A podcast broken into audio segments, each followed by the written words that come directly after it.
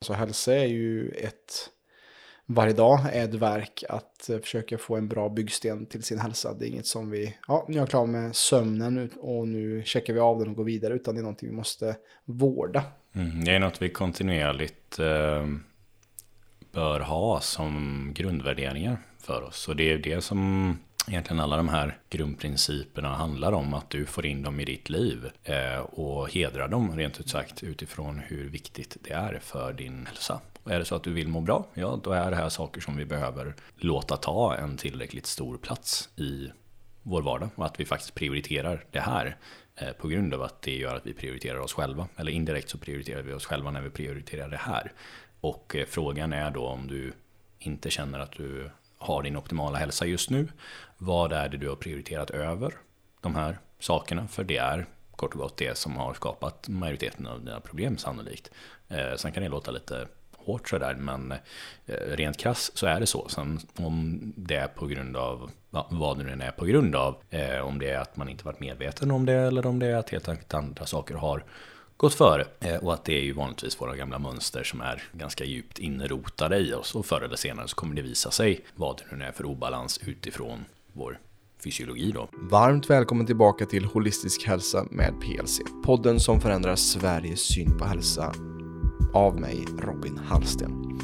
Och idag och i nästföljande avsnitt så kommer Viktor Karlsson vara med oss också här på en utforskning av just grundprinciperna. De sex grundprinciperna som vi gjorde avsnitt på för cirka tre år sedan när podden startade. Nu med mer visdom och kunskap i våra ryggsäckar så vill vi helt enkelt göra en revidering av dessa grundprinciper inför det här nya året för att ge dig en uppdaterad version av detta. Och de här sex grundprinciperna som vi kommer snacka om det är ju sömn, det är andning, det är vätskeintag, det är hur vi tänker rätt, hur vi rör på oss och vad vi äter. Och vi kommer att just spendera nästföljande avsnitt till att utforska detta för att ge dig verktyg till hur du kan ta tillbaka din egna inre aktivitet över din hälsa. För i många fall skulle vi vilja hävda att de, i de flesta fallen när det kommer till våra livsstilsbekymmer, när det kommer till vår hälsa, så kommer det på grund av obalanser i dessa sex. Och i dagens avsnitt så börjar vi med sömnen och eh, vi kommer dela med oss av nycklar och vanliga problem vi ser med eh, sömn med våra klienter. Så vi kommer snacka om just vikten av ljus, och hur vi äter och dricker innan vi går och lägger oss, sömnhygien, vad vi kan ta för tillskott, vi kommer snacka om work-in och hur vi kan varva ner på rätt sätt. Det kommer vara väldigt många olika saker kring hur vi kan just optimera vår sömn som är vår främsta anabola funktion som bygger upp oss och utan sömnen som en bra grund så är det lätt att hela vår hälsa blir kompromissad. Så varmt välkommen till det här avsnittet där vi just kommer att utforska sömnen och dess effekt på vår hälsa och hur vi kan optimera den till att må bra så att vi kan också nära våra drömmars mål som vi vill gå mot i livet. Och jag vill också passa på att bara tacka alla er som var med på vår live-föreläsning när vi lanserade just vår kläns här den 3 januari med Viktor och Jonas. Så kul att se att vi var nästan över 2000 människor som var med och kollade på den här föreläsningen. Och så roligt att över 400 personer just bokade just klänspaketet där. Så mycket att vi faktiskt sålde slut för vår januari-kläns.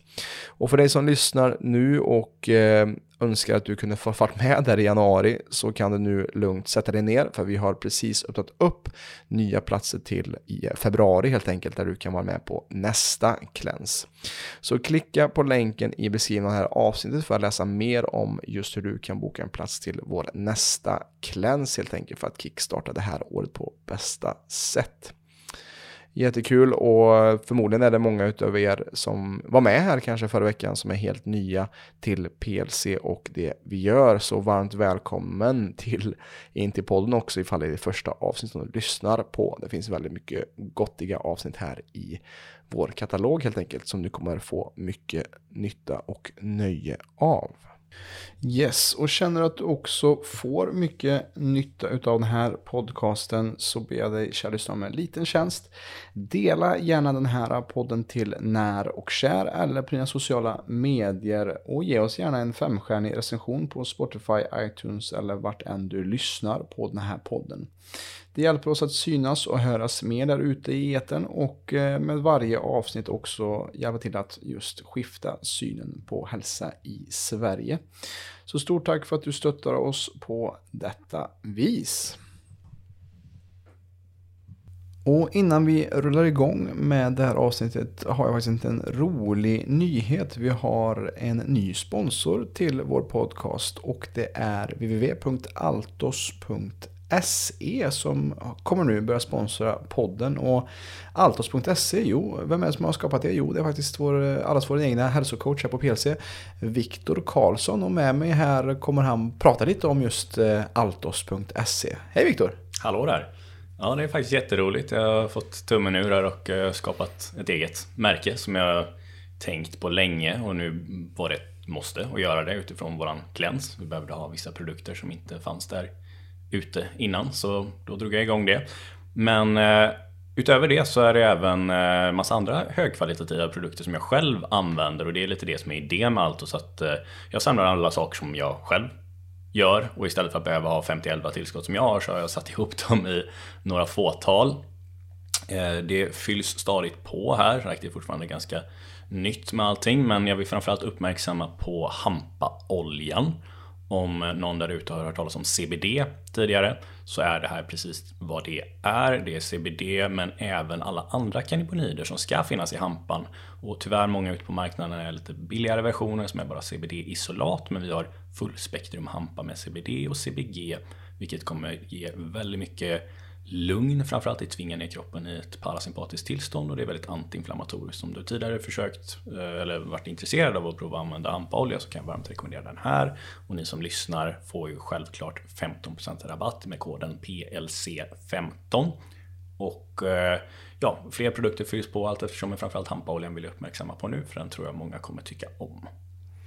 Kanon, så använd koden PLC15 för 15% rabatt på eh, Altos alla produkter och det stavas alltså althos.se.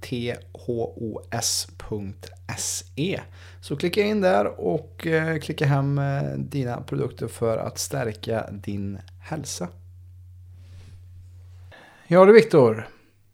13 januari 2021. Vad tänker du på när jag säger 13 januari 2021? The Genesis. The Genesis. Då satt eh, tre herrar i tofs och spelade in en podd som hette eh, Ta tillbaka din inre aktivitet på Strömsvägen 48 i Uddevalla. Nu sitter vi vid mitt köksbord här på Kroppefjäll faktiskt, eh, uppe i Dalsland. Och mycket har hänt på de här tre åren. Eh, vi har inga tofsar längre, jag har till och med snaggat håret och lite kortare frisyr. Och mycket har ju skett på vår egna resa och mycket som har utvecklats under de här tre åren. Därför känns det som ett ypperligt tillfälle att starta det här nya året med faktiskt eh, 2024s första avsnitt med att just revidera lite våra grundprinciper som var avsnitt 2 till 7 i vår eh, katalog kan man säga. Och Viktor skulle nog säga, nämn inte ens det för att han vill inte ens veta av de avsnitten för att det har hänt så mycket sedan, sedan dess. Så att eh, ni behöver inte gå tillbaka och lyssna på dem utan vi skapar helt enkelt en ny eh, serie av grundprinciper. Det är vi kommer starta det här året och podden, poddens avsnitt, de kommande avsnitten här med just det som fokus. Eh, så att, ehm, ja, de här grundprinciperna som vi kommer gå igenom då, eh, brukar man säga, eller som vi tror och jobbar efter, eh, ligger till grund till 90-95% av alla livsstilsproblem som vi har i samhället då. Och kan vi få ordning på dessa, en efter en eller alla samtidigt, så är det väldigt stor risk att vi, är det stor chans att vi tillfrisknar eller blir bättre med vår eh, hälsa och tar tillbaka just vår egen inre aktivitet. Mm. Um, ja, 130 avsnitt senare, det känns ju ganska sjukt. Mm. Men, är det på tiden att vi kommer ja. tillbaka till uh, basics?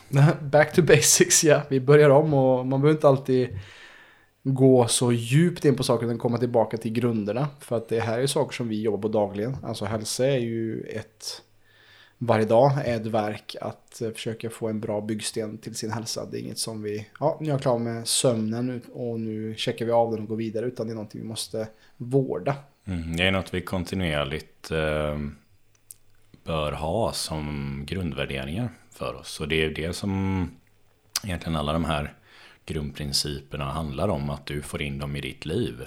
Eh, och hedrar dem rent ut mm. sagt mm. utifrån hur viktigt det är för mm. din hälsa. Och är det så att du vill må bra, ja då är det här saker som vi behöver låta ta en tillräckligt stor plats i vår vardag. Och att vi faktiskt prioriterar det här. Eh, på grund av att det gör att vi prioriterar oss själva. Eller indirekt så prioriterar vi oss själva när vi prioriterar det här. Och eh, frågan är då om du inte känner att du har din optimala hälsa just nu. Vad är det du har prioriterat över de här sakerna? För det är kort och gott det som har skapat majoriteten av dina problem sannolikt. Eh, sen kan det låta lite hårt sådär men eh, rent krass så är det så. Sen om det är på grund av vad det nu är på grund av. Eh, om det är att man inte varit medveten om det eller om det är att helt enkelt andra saker har gått före. Eh, och att det är ju vanligtvis våra gamla mönster som är eh, ganska djupt inrotade i oss. Och förr eller senare så kommer det visa sig eh, vad det nu är för obalans utifrån vår fysiologi då, eller hur det påverkar vår fysiologi. Så det tänkte vi reda ut idag då, mm. med hur vi får ordning på just eh, sömn, Precis. som är temat för idag. Och ja. Eh, det är ju mycket, det är en annan grej innan vi går in på det här. Eh, så är det lite roligt för förra gången när vi spelade in vårt sömnavsnitt som jag tror också var det första mm. våra grundprinciper för tre år sedan där. Då tänkte vi att vi skulle bränna av alla sex grundprinciper på ett avsnitt. Eh, så, så blev det inte då. och eh, idag så tänker jag att vi ska försöka bränna av sömn mm. åtminstone idag. Men jag är rätt säker på att vi inte kommer ha sex avsnitt eh, som förra gången, utan det kommer nog vara fler då vi vill utveckla lite kring olika områden här och eh, målet kan vi säga med dessa avsnitt är att vara som en eh, rejäl kunskapsbank med både att vi beskriver problemen men också ger väldigt tydliga lösningar på de här väldigt vanliga problemen. Precis, för att det är ju så att mycket av de här grundprinciperna det är ju helt gratis. Och det ger eh, den som lyssnar eller de klienter och medlemmar som vi har, det ger dig eh, möjligheten att läka från insidan och ut. Och innan vi bara kommer in med, med sömnen så vill jag också nämna just att en, en princip, att vara principfast eller att ha tydliga gränser det är en grund för en god hälsa. Eh, om vi bara ser både makro och mikroperspektivet, till exempel om vi ska kolla på vår matsmältning, om vi har en eh, försämrad matsmältning och kanske läckande tarm, att vi inte har den här gränsdragningen ens i, i vår mage, så skulle det resultera i att det läcker igenom. Och eh, det är just en vi behöver just gränser, vi behöver ideal, vi behöver saker och värderingar att gå efter för att just skapa hälsa. Så det är otroligt viktigt. Absolut. Så jag tänker vi, vi rullar igång här med att just att sätta fundamentet. För att det är ju det, sömnen är ju ett väldigt stort fundament som vi ser fattas i de som vi jobbar med. Att man har tagit en genväg. Att man kanske har sovit mindre eller att man har svårt att sova på grund av stress och så vidare. Och... Jag tror väldigt många har just svårt. Jag tror, idag mm. jämfört med för tre år sedan. Eh, även om för tre år sedan det var då det började. Ja, ganska exakt skulle jag säga tre år sedan. Eh, någonstans där i alla fall. Så började det bli mer och mer vedertaget hur viktigt det faktiskt är att ja, men åtta timmar är ju standard. Mm. Eh, Medan åren innan dess eh, så har folk inte nödvändigtvis haft tillräckligt med uppskattning för hur viktigt sömnen är. Men eh, det verkligen började bli populärt. Eh, såklart, sömn har alltid varit populärt. Men mm. just mer i, i, i att folk faktiskt pratade mer om det och blev mer medvetna om hur viktigt sömnen är och att ja, men just det, det är ju åtta timmar som i stort sett alla behöver. Eh, så det behöver vi ju inte egentligen påminna så många om idag. Mm. Om det är någon som lyssnar här och har tagit sig igenom 130 avsnitt och fortfarande inte vet att sömnen är viktig, eller det här kanske är första gången som du lyssnar på oss. Eh, men sömnen är väldigt viktig. Mm. Och eh, om vi inte sover så kommer det förr eller senare leda till väldigt stora problem. Och när jag säger sover, då menar jag sover på ett bra sätt. Alltså att vi har tillräckligt sömn, att, att vi, vi blir utvilade av eh, våra förhoppningsvis åtta timmar. Eh, och att eh, dessa åtta timmar är så optimala som möjligt egentligen. För det finns ju alltid såklart grader på hur bra sömnen kan vara. En sak är ju att ge sig förutsättningar till att ens kunna få ihop de här åtta timmarna mm. som vi då vet att vi strävar efter. Eh, men det är en annan sak att faktiskt sova mm. i åtta timmar. Och eh, vi är båda fullt medvetna här om hur många det är som har sömnproblem. Eh, och jag kan tala direkt från egen erfarenhet att det här har varit det området som varit mest utmanande för mig historiskt sett.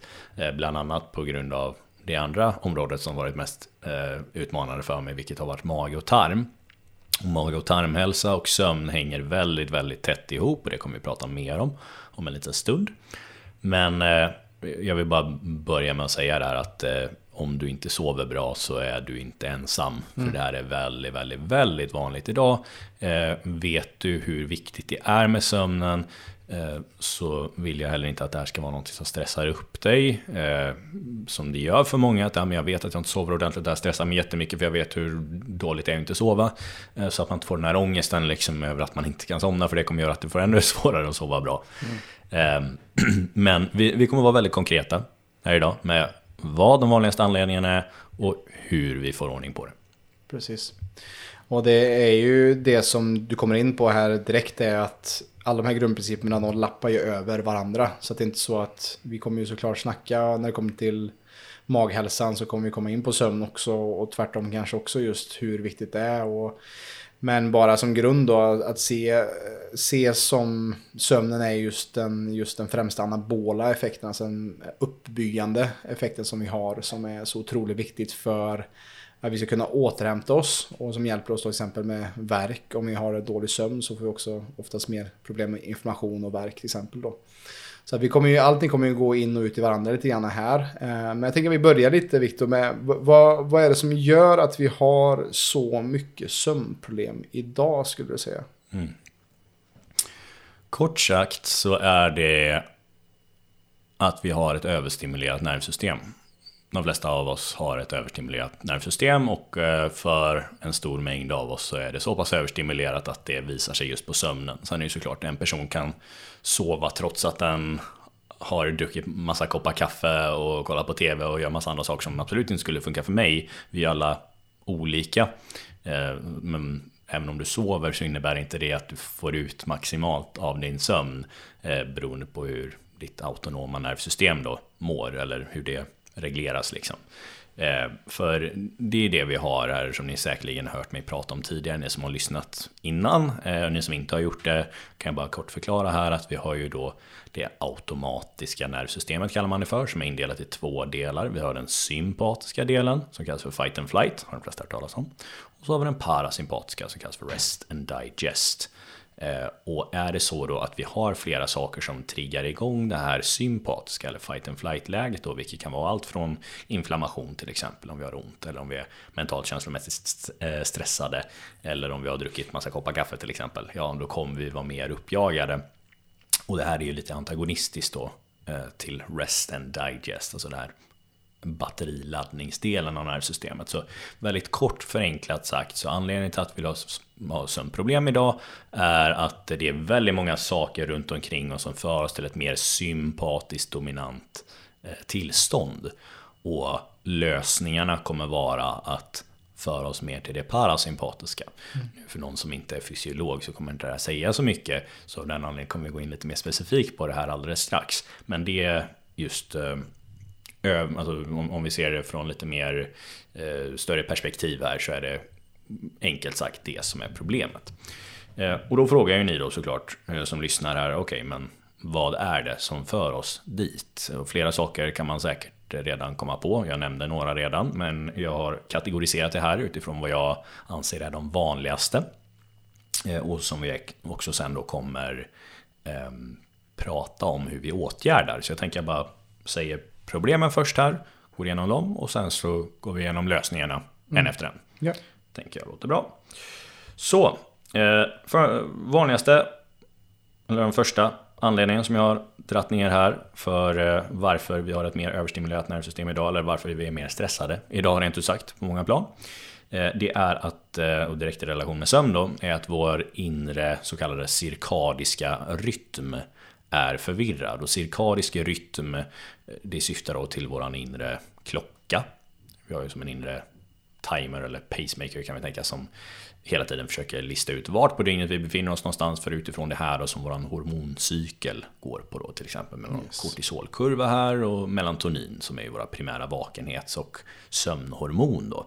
Eh, och eh, det här går ju automatiskt men det automatiska här går ju utifrån någonting, någon form av input som informerar vår hjärna och specifikt en mekanism, eller en mekanism, ett ställe uppe i hjärnan som vackert heter suprachiasmatic nucleus. Eh, och denna lilla kärnan då som sitter i hypofysen, den eh, försöker då hela tiden lista ut vart på dygnet befinner vi oss någonstans. Och det här då av många anledningar är väldigt eh, upp och ner eller oregelbundet hos många. Så det kommer vi prata om, mm. varför det är viktigt, och få, eller varför det är viktigt vet vi nu, men hur vi får ordning på det eh, alldeles strax.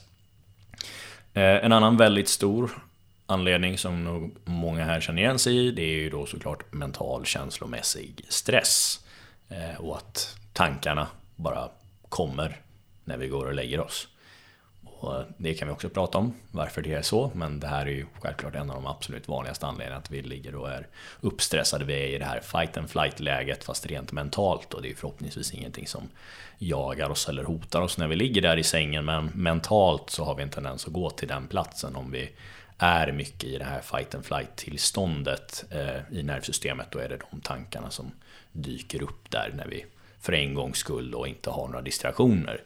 Som för övrigt är en av anledningarna till att vi går mer till fight and flight, att vi konstant distraherar oss över dagen och så har vi inte tillåtit alla de här tankarna och intrycken att landa i oss riktigt och första gången när vi väl då inte distraherar oss så ja, då kommer de upp där. Sen så har vi då, som jag nämnde förut, som har varit mitt personliga problem. Eh, och det är ju då en dysbios i tarmen, eller en obalans i mage-tarm. Och det här kan ju då skapa ett stort stresspåslag, eller det kommer skapa ett stresspåslag hos, en, hos många individer då, till exempel som mig, så visar det sig som att man får ett kortisolpåslag på kvällen. Eh, bland annat för att immunförsvaret går igång då och den här dysbiosen. Eh, dysbios innebär helt enkelt att det är en obalans i tarmfloran med alla mikroorganismer vi har. Vi har ju eh, triljarder mikroorganismer i oss med bakterier och virus och svampar och parasiter och you name it eh, som är i vårt ekosystem. Samma som om vi gräver upp lite jord eh, i ett eh, trädgårdsland så är det miljarder, triljarder bakterier och organismer där som alla lever i ett ekosystem. Eh, och samma sak är det inom oss och ni som är lite bakterie eller har lite bakteriefobi här så vill jag inte skrämma, skrämma upp er allt för mycket men det är bara ett faktum att vi har en himla trädgård inom oss. Och eh, det är inga problem förutsatt att det är i eh, en harmonisk eh, balans då. Men just när det är en dysbios så innebär det att vissa saker är det för mycket av. Mm. och samma som om du skulle introducera någon främmande art i ett ekosystem någon annanstans så skulle det ha en tendens att skapa en obalans i det mm. ekosystemet. Då. Eh, och vad det blir mer specifikt i det här eh, obalansen är vanligtvis att det blir en överväxt av antingen vissa bakterier, vissa virus, eh, parasiter, svampar, eh, liknande. Jätte, jättevanligt. Eh, det är också någonting som vi faktiskt pratade om i vårt förra mm. avsnitt om cleanse. Eh, för det är precis det som vi har åtgärdat, eller som vi åtgärdar nu under den här glänsen faktiskt. Det är att försöka återställa den här mikrobiella balansen. Men vad som händer då när det är massa parasiter och eh, liknande organismer eller vad det nu är som är ur balans eh, så kommer ju vårt immunförsvar reagera på det. Och det här då blir ett kortisolpåslag rent ut sagt. Och kortisol är ju antagonistiskt såklart utifrån en god natts sömn för då ska det vara massa melatonin och inte kortisol. Ju högre kortisol desto lägre melatonin generellt sett. Ja, så det, det är ju en eh, motsatsen till dysbios är ju symbios. Vi vill ju att kroppens inre resurser jobbar eh, åt samma håll och det är oftast det vi ser här och den stora skillnaden tror jag, jag har skrivit ner de motsättningarna till just cirkadisk rytm, till mental, känslomässig stress och dysbios. Det är dessa tre. Till cirkadisk rytm är det ju den stora skillnaden också, om vi går tillbaka 100 år så är det just allt det här artificiella ljuset som vi har med alla de, de sakerna som vi kommer gå in på här också när det kommer till mental och känslomässig stress så skulle jag en stor faktor också som skett en skillnad de sista 10-20 åren är att vi ständigt är uppkopplade och alltid är tillgängliga nu för tiden. Ehm, är en av de största. Och sen så när det kommer till dysbios och mage-tarm så kan vi också gå in på näringsbrist där också. Där har vi ju Framförallt då en stor bov är ju ultraprocessad mat och att vi inte äter just så som vi borde göra idag. Mm, och eh, där vill jag även till, eller vi kommer komma in mer på ja, alla de här sen såklart. Men eh, det, det, finns ju många anledningar till Men ja, det är en av, en av anledningarna. Sen så är det ju faktiskt också många saker. För jag vet även många av våra lyssnare har ju faktiskt försökt och är någorlunda medvetna mm. eh, kring maten. Men har ändå de här problemen. Ja. Eh, och då är frågan var, varför tusan blir det så? Så det tänker jag att vi ska dyka in lite djupare på här alldeles strax också. Just det, jättebra. Eh, sen finns det ju lite andra aspekter här också såklart. Jag vill nämna dem i... Jag tänker jag nämner de här problemen också och så betar vi av dem sen sakta mm. en efter en. Ja. Eh, för den andra stora grejen som jag skrev här då är att det kan ju finnas anledning till att vi inte vaknar upp utvilad mm. trots att vi får våra timmars sömn. Ja. Och det är många som upplever det. Och I min erfarenhet så är de vanligaste anledningarna till detta nummer ett by far skulle jag säga syresättning. Och ni som är veteraner hos oss eh, vet att vi pratar mycket om... tape. Ja, eh, och Anders Olsson och medveten andning. Yeah. Eh, och just hur viktigt det är. Så jag, tänk, jag tänker att vi kommer gå in lite mer specifikt på hur vi åtgärdar detta, inte bara då med sovtejp, för det finns ju eh, andra aspekter som kan påverka också. Även om du sover med tejpad mun så kan vissa fortfarande ha andningsuppehåll, eh, snarkningar etc. som stör din syresättning. Eh, så det tänker jag vi kommer prata om lite mer. Och så kommer vi prata om uttorkning, vilket kommer vara för övrigt en annan grundprincip med vätskebalans. För är vi uttorkade, jättevanligt att man då är trött och seg. Eh, en av de vanliga anledningarna till det är ju bland annat att man andas med näsan då, eller att man andas med munnen. munnen. Mm. Eh, sen verk. Väldigt vanligt också. Har man ont så kommer ju det också öka på kortisolpåslag, inflammation och allt det här är ju då antagonistiskt såklart för en god nattsömn. Och slutligen timing med måltider och eh, träning. Faktiskt. Ja. Så där har vi det, ett smörgåsbord av problem. Ja, eh. exakt. Låt oss gå in på just lösningen eller vårt sätt att se på vad vi själva coachar andra i när det kommer till dessa saker för att just komma underfund med just det här fundamentet som sömnen faktiskt är. Yes. Och jag tänker vi börjar där då med eh, det här centrala då som är den cirkadiska rytmen.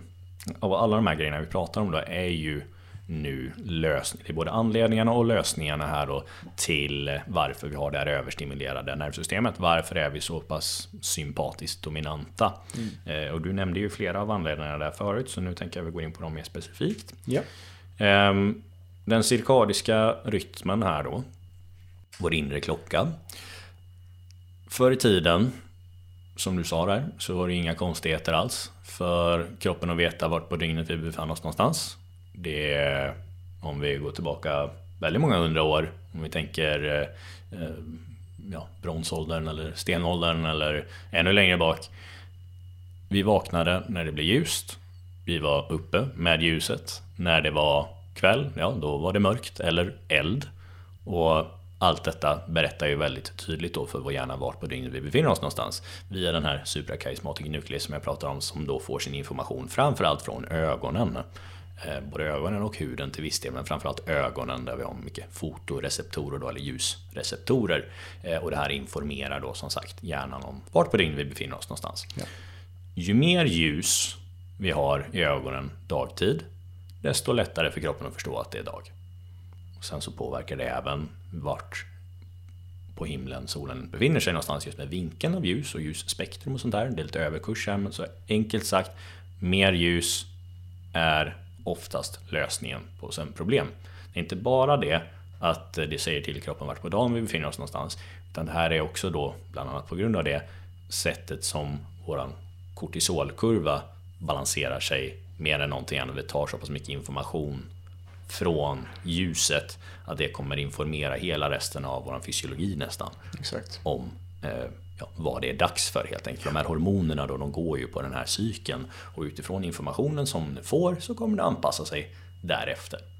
Och för de som inte är så kanske insatta så är ju just kortisolkurvan när den ökar på morgonen det är det som gör att vi också kroppen kommer sakta till liv och att det är det som gör oss trötta på kvällen när den börjar dala och just eh, vår eh, met, melatonin. melatonin börjar utsöndras på kvällen. Och där ser vi ju en stor eh, skillnad idag jämfört med förr är att vi har alla de här artificiella ljusen som på då sätt då håller kvar kortisolet liksom längre än kanske mer traditionellt sett. Eller... Mm. Och förtrycker melatoninet då. Precis, exakt. Ja. Och uh, som, som jag sa där, förr i tiden var det ju liksom mörkt eller eld.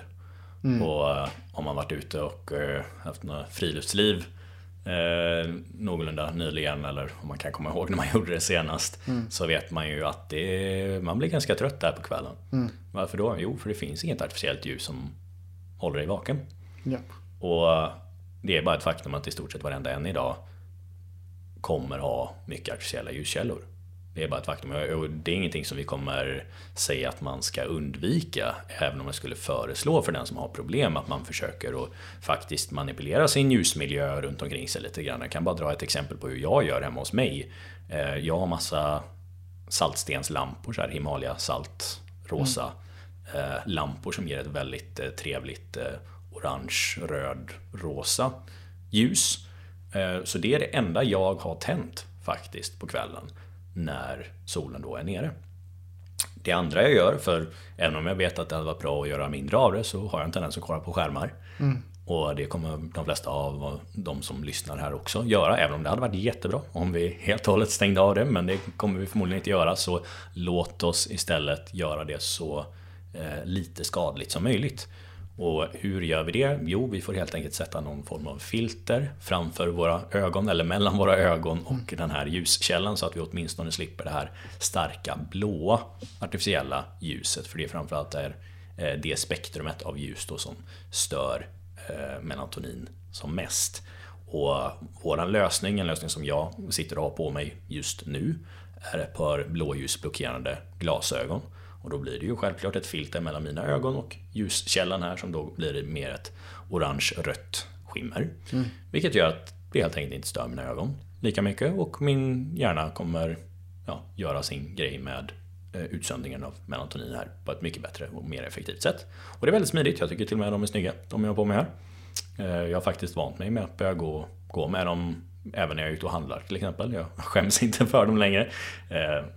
Delvis på grund av att nu har jag på mycket snyggare glasögon än vad jag hade tidigare. För tre år sedan, det har jag inte också, då var det de här äh, fula UX-brillorna som mm. Äh, är mer som skyddsglasögon. Nu är det lite mer stylish faktiskt Victor. Mm. Uh, nej, men, och det är ju också så, på tal om det också, vad är det första vi brukar göra när vi vaknar, många av oss, är ju att vi tar fram mobilen. Yeah. Och istället för att få mer ett, ett mjukare ljus och som är likt mer soluppgång så får vi liksom det här starka blåa ljuset som inte alls är heller så bra att starta dagen med heller. Det säger till kroppen att det är mitt på dagen för det ja. ljusspektrumet med där är mer likt när solen är mitt på himlen, alltså klockan 12. Mm.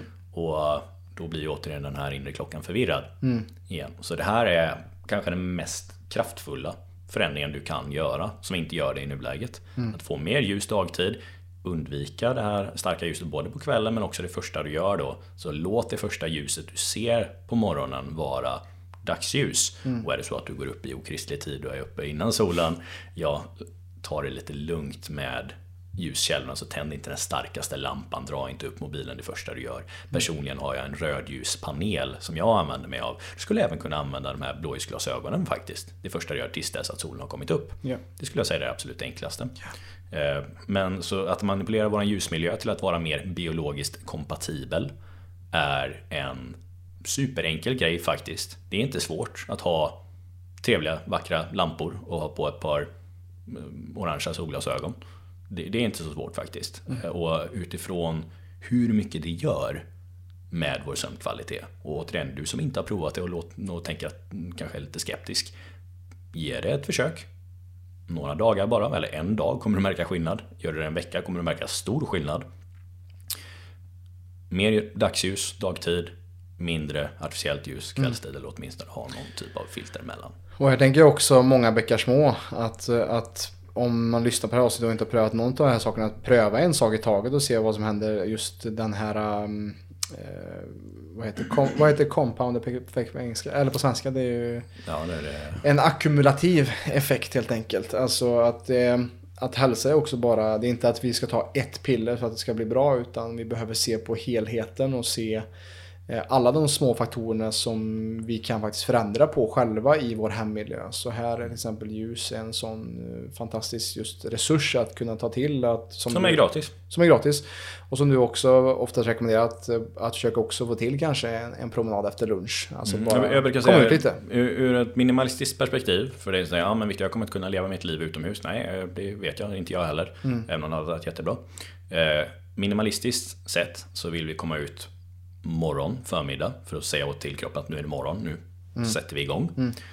Vi vill vara ute någon mitt på dagen. Så förslagsvis en lunchpromenad. För att bara påminna kroppen om att yes, det är dag fortfarande. Både vid att vi får frisk luft, lite rörelse och ljus. Det är väldigt många flugor i en smäll. Och sen i en perfekt värld även när solen är på väg ner. Så runt solnedgången för att säga till kroppen att nu är det kväll. Nu ska vi börja dumpa kortisol och öka melatonin. Då. Och därefter som sagt blockera då det artificiella ljuset. Precis. Och eh, jag kan säga att det här är faktiskt det som jag har fokuserat nästan mest på det här året. Både för mig själv men också för klienter. Och jag ser en sån stor skillnad. Alltså jag har gått bort väldigt mycket från att börja med andra, som jag säger, mindre... Eh, Lågt hängande frukt eller? Ja, alltså det här är en sån lågt... Det här är så essentiellt. Det genomsyrar så mycket av hela våran fysiologi. Det enda egentligen som kommer över det här i prioritet för kroppen. Eh, att veta vart på dygnet vi befinner oss någonstans. Det vill säga, eh, det här är det absolut viktigaste för hela vår fysiologi. Det enda som kommer högre upp i prio. Eh, och det här är utifrån Porchecks system som är ju våran grund i mycket vi gör. På hans så kallade totempåle av prioriteringar. Högst upp kommer ju psyket. Och det vill säga då den mentala känslomässiga potentiella stressen. Tror vi att ett lejon håller på att äta upp oss just nu? Yes, okej. Då, då, då är inte eh, den här inre klockan det viktigaste för nu behöver vi springa från det här lejonet och lösa det här problemet för annars så eh, ja, kommer vi inte klara oss. Men så fort vi inte känner att vi är i en akut fara då är kroppens högsta prioritering vart på dygnet vi befinner oss någonstans och den främsta informationen för det är ljuset. Så tills dess att vi får ordning på det här så kommer det sannolikt bli problem längre ner i kedjan. Ja. Och det är det här också som jag märker saknas ofta, framförallt på personer som har svårt att få ordning på, alltså att man har försökt länge med att äta annorlunda och röra på sig och alla de här grejerna. Eh, väldigt, väldigt, väldigt ofta så är det just den här aspekten som saknas. Precis, och på tal om cirkadisk rytm så är det inte bara viktigt att vi sover åtta timmar på dygnet utan också att vi sover på rätt antal, eller rätt timmar på dygnet. Att vi brukar säga att gå och lägg dig senast 10.30. Alltså gärna mellan, någonstans mellan 9 och, och halv 11 är, är liksom godkänt. Så att vi sover på rätt tid av dygnet så att vi inte förskjuter för mycket utav sömnen. För att just den fysiologiska främsta återhämtningen sker mer i början på vår eh, sömn och sen så sker den mer mentala emotionella bearbetningen lite senare. Och så Sen- fort vi förskjuter det så, så blir det också en, eh, en obalans helt enkelt. Mm. Sen, sen är det lite på ett spektrum här för alla är olika. Ja, så är det. Eh, Vissa är mer eh, lagda åt att eh, passa bättre och gå och lägga sig runt klockan 9. Vissa Mm. passar bättre runt 11. Eh, Men så 11 eller 10.30 är en bra tumregel för de Ja, flesta. precis. Sen kan det som sagt skjuta en halvtimme hit eller dit. Ja. Kanske till och med en timme ibland. Väldigt ofta så är det här dock på grund av det här artificiella ljuset. om du tänkte, nej men jag är alltid en kvällsmänniska. Ja men vad gör du de sista två timmarna? Ja, jag sitter vid tvn. Mm. Hade du inte haft den så hade det förmodligen varit två timmar tidigare kanske då. Precis. Eh, Så precis, bra att du säger det, för det här är nästa aspekt då av den här regelbundenheten. Ljuset är som sagt by far den största. Men den andra är då att vi eh, har rätt timmar och framförallt att det är regelbundna timmar. Då. Så Yes. vare sig du är en person som går och lägger dig närmare klockan 9 eller närmare klockan 11. det är viktigt att försöka gå och lägga sig just klockan nio då i stort sett varje natt. Samma som det är viktigt för den som går och lägger sig klockan 11 att lägga sig ungefär 11 varje natt så att kroppen vänjer sig så att det är förutsägbart. Det här kommer också skifta då beroende på vilken säsong det är. Nu eh, när vi spelar in just det här avsnittet så är det vinter och då är det vanligare att man sover, eller man ofta bör sova lite längre. Mm. Det är mer mörker uppenbarligen. Det här säger till våran kropp att nu ska vi ta det lite lugnare, gå i det nästan. Eh, så det är fullt normalt att inte ha fullt lika mycket energi på vintern. Sen är det inte samma sak att ha lägre energi som att vara skittrött. Då är det något annat som är tokigt. Men att eh, faktiskt ta det lugnt när det är mörkt. Och sen att vi faktiskt kommer ut och är aktiva när det är ljust. Mm. Och det här är också en av anledningarna skulle jag säga till att många har mycket lägre energi på vintern. Just för att man inte gör det. Ja. Man försöker hålla samma tempo och vi är knappt utomhus så vi får inget av det naturliga ljuset. Och vi tar det inte tillräckligt lugnt när det är mörkt. Exakt, och det är viktigt att hedra just den cykeln också som naturen går igenom. Det är det som jag säger också mycket varför vi är ur led och mår dåligt det också. Att vi försöker hela tiden eh, jobba som att det är sommar ungefär, att vi är i samma, samma tempo. Och kollar vi också på det att sova på rätt antal timmar så är det intressant med till exempel um, Sömngåtan, boken av Matthew Walker där han går igenom studier liksom på som i, Danmark får sjuksköterskor som jobbar natt får faktiskt mer betalt på grund av att man ser en korrelation med en förskjuten sömn eller att man jobbar natt eller skift. Att man har en större risk för till exempel bröstcancer. Eh, så det ser man också hur viktigt sömnen är och att vi hedrar den. Och jag som själv har jobbat, jobbat natt eh, själv under min period som när jag körde budbil för många år sedan så är det ju också så att eh, alltså det var ju ändå man, man försökte få till var sömnen under den perioden. Man kan, jag kunde inte få till så mycket bra träning eller matkost och sånt för att just sömnen var det enda man tänkte på. Och det visar också på hur, hur viktigt det var under den perioden att, eh, att jag kommer aldrig gå tillbaka till att jobba natt eller jobba skift helt enkelt. Mm. Sen är det ju vissa som känner att de behöver jobba natt. Och ja, så är det ju. Då får man göra det bästa av situationen. Exakt. Men vi kan inte heller sitta här och ljuga och säga att det här inte är något av det mest problematiska man kan göra Nej. för sin hälsa. Det är bara att vakna, det kommer liksom med det på köpet och som du säger där av den anledningen får nattarbetare i Danmark till exempel här då eh, en, en högre peng, högre peng mm. på grund av det. Eh, och du som är eh, nattarbetare får helt enkelt göra ditt bästa med att försöka hålla regelbundet det du kan hålla regelbundet. Precis. Så försök få de här olika skiften i så fall då att eh, likna varandra så mycket som möjligt. Och framförallt de andra aspekterna här då med ljuset. Gör det bästa du kan där. Och måltider då, som vi inte har nämnt ännu här, men som också är en viktig aspekt för att kroppen ska veta vart vi befinner mm. oss någonstans. Skippa inte måltider såvida du inte har en utlagd plan för en strategisk fasta. I så fall. För det här kommer förvirra kroppen. Det är en stress med fasta. Det är en stress för kroppen att skippa en måltid. För den trodde att ja, men du brukar alltid äta frukost, nu blir det ingen frukost. Varför är det ingen frukost? Något är fel. Så ät på ungefär samma tid varje dag. Så vi vill kanalisera vår inre Skalman helt enkelt. Mat och sovklocka. Vi vill ha ljushygien, som jag kallar det för. Det här med ljuset, ljus och mörker. Och vi vill ha Skalman med mat och sovklocka. Försök äta på samma tider varje dag. Gå och lägg dig och gå upp samma tid varje dag. Så är det kanske någon som tänker, ja men Viktor, jag vill inte gå upp klockan sex på helgen. Och då säger jag, okej. Okay, men din kropp vet inte om det är helg eller vardag. Och då säger jag inte att du måste gå upp klockan sex. Du kanske vill sova ut lite innan och gör det om du känner att du behöver det. Men i en perfekt värld så går vi och lägger oss samma tid, går upp ungefär samma tid. Och vad som också är en, ett tecken på god hälsa är att du vaknar upp utvilad och sover bra och att du inte känner att du behöver sova ut egentligen. Mm. Jag ska säga om du känner att du behöver sova ut på, på helgen så säger ju det med att du inte har vilat upp dig tillräckligt under vardagen. Mm, exakt. Så äh, även om jag förstår att äh, när, när, man är i den positionen så kan man vilja göra det och det kanske till och med kan vara bra att bara mm. låta kroppen vila lite mer. Äh, men för att sömnen ska bli så bra som möjligt och framförallt du då som har sömnproblem då är det bättre att du tillåter dig själv att vara lite tröttare på förmiddagen där kanske, eller den dagen som du egentligen skulle vilja sova ut. Förutsatt att du då går och lägger dig i tid mm. den kvällen. För annars kan det ju bli då att man kanske inte somnar. Och, och, för att komma tillbaka till det här med nattarbete och skift så är vår egna erfarenhet efter de här uh, flera år nu vi har jobbat med coach äh, klienter så ser jag ett mönster att det är otroligt svårt att coacha någon som faktiskt jobbar typ konstant natt. Alltså för det blir svårt att generera den energin som krävs för att få till den förändringen om vi inte... Men som du säger, det är en väldigt svår fråga där för att vi behöver också folk som jobbar natt, natter. Jag kan säga så här att eh, när man kommer till oss, mm.